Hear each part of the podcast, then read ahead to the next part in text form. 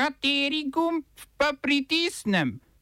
Tisti, na katerem piše OF.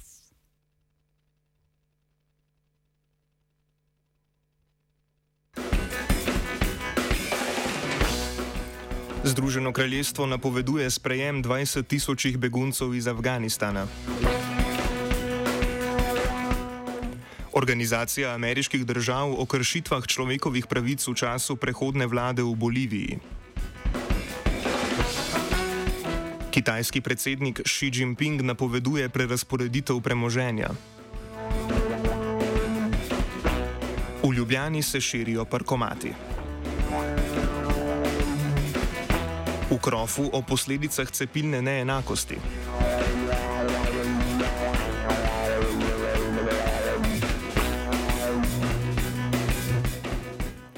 Zunani minister Evropske unije Josep Borrell je včeraj izjavil, da Evropska unija še vedno ne namerava priznati tal talibske oblasti v Afganistanu, so pa pripravljeni na pogajanja o varni vrnitvi evropskih državljanov iz Afganistana.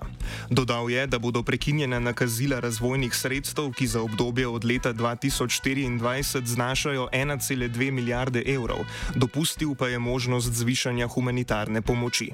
Več držav članic je napovedalo, da bodo sprejele prebežnike prebežnike, ki so z njimi sodelovali, medtem ko Avstrija nadaljuje z deportacijami zavrnjenih prosilcev za azil.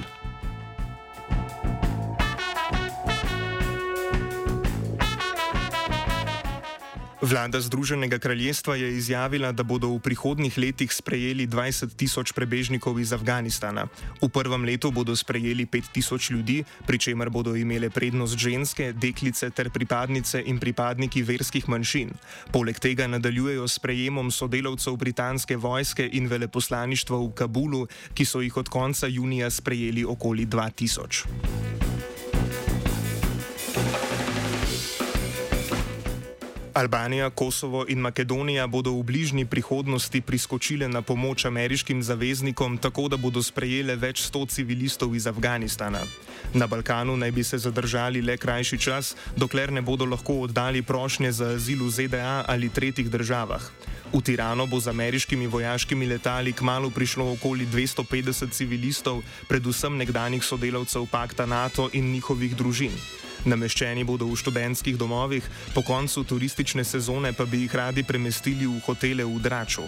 Podobno velja za Makedonijo, kjer si zaradi negotovosti v zvezi z leti ne upajo napovedati, kdaj bodo begunci dejansko prispeli. Kosovska vlada naj bi se z američani že od junija dogovarjala o logističnih in organizacijskih izzivih glede namestitve beguncev pri njih.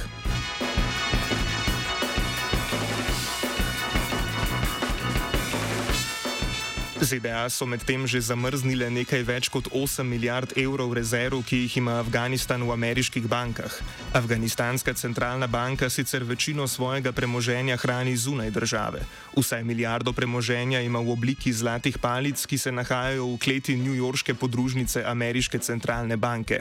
Washington talibe še vedno obravnava kot teroristično organizacijo in jim želi preprečiti dostop do finančnega premoženja Afganistana.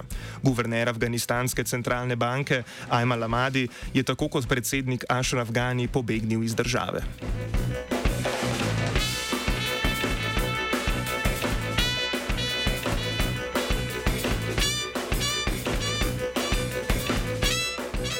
Litvansko zunanje ministrstvo je sporočilo, da je 12 beloruskih specialcev v torek protizakonito vstopilo v Litvo, da bi potisnili skupino iraških prebežnikov čez mejo.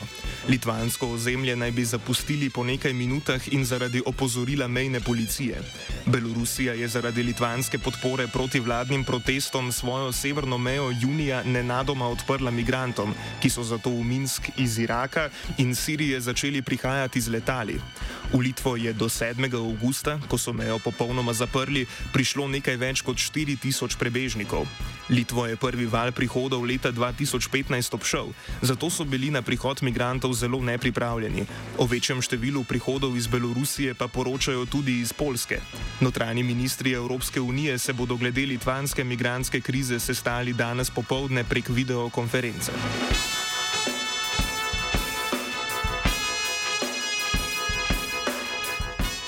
Kitajski predsednik Xi Jinping je na včerajšnjem sestanku glavnega finančnega in gospodarskega sveta komunistične partije Kitajske pozval k prerasporeditvi bogatstva in večji gospodarski enakosti.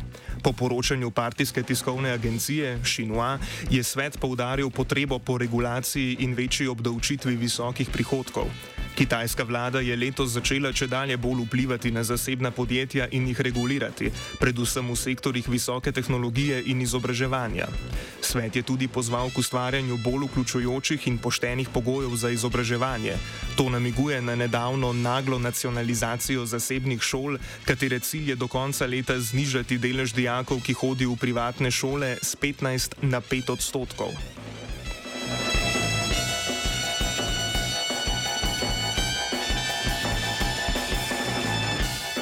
Včeraj je bilo v Boliviji predstavljeno poročilo o kršitvah človekovih pravic v času prehodne vlade Janin Anjez, ki ga je izdelala skupina za nadzor človekovih pravic pri Organizaciji ameriških držav.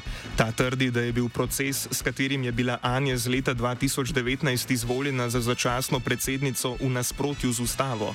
Prav tako potrjuje trditve, da je policija pregrobo ravnala med protesti, ko je bilo ubitih več deset demonstrantov, poškodovanih pa več kot 800.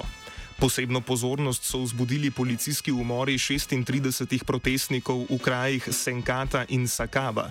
Ti so se zgodili 15. novembra, dan potem, ko je Anja s policistom obljubila brezpogojno imuniteto pred pregonom za kršitve storjene med izgredi. Čeprav komisija dogajanja ni izredno označila za državni udar, je predsednik države Louis Arce izjavil: Če to ni puč, kakšen dokaz lahko še obstaja?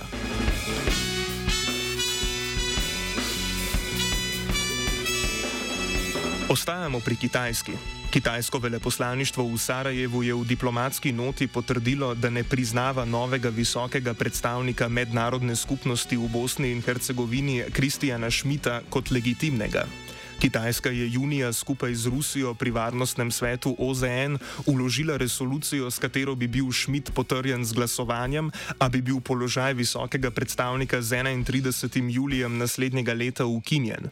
Ker ta ni bila sprejeta, skupaj z ruskimi diplomati trdijo, da Varnostni svet Schmidta ni formalno potrdil.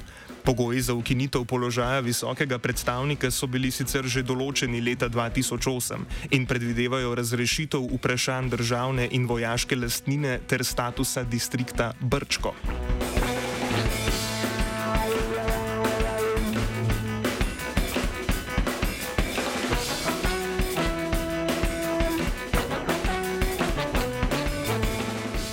Državno tožilstvo Bosne in Hercegovine je prejelo kazansko ovadbo proti srpskemu članu predsedstva Miloradu Dodiku zaradi domnevne zlorabe uradnega položaja.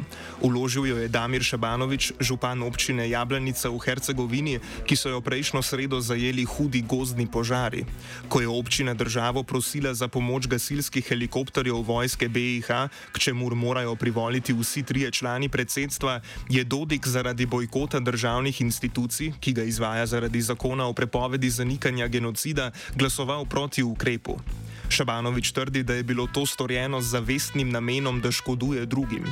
Predsednik predsedstva BIH Željko Komšič je prosil mirotvorsko misijo EUFOR za pomoč, a ta ni imela ustrezne opreme za gašenje požarov.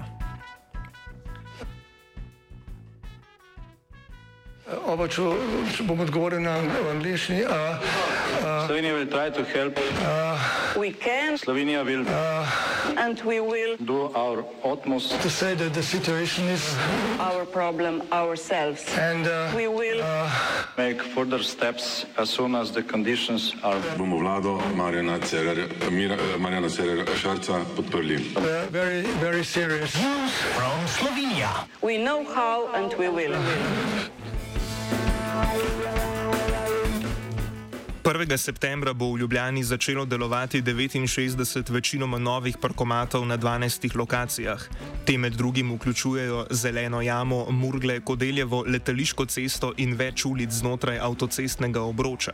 Na občini trdijo, da bodo s širitvijo plačljivega parkiranja in uvedbo dovolilnic za stanovalce najuspešneje odpravili nedostopnost parkirnih mest. Pravijo, da ob namestitvi parkomatov stanovalci najprej negodujejo, kmalo pa občina začne prejemati pobude za postavitev dodatnih naprav, saj občani ugotovijo, da so v njihovi sosedski prej parkirali ljudje, ki tam sploh ne živijo. Za dovolilnice morajo občani, odvisno od cone in števila vozil, odšteti od 60 do 200 evrov. Mestna občina Ljubljana pa je lani s parkirninami zaslužila 2,4 milijona evrov.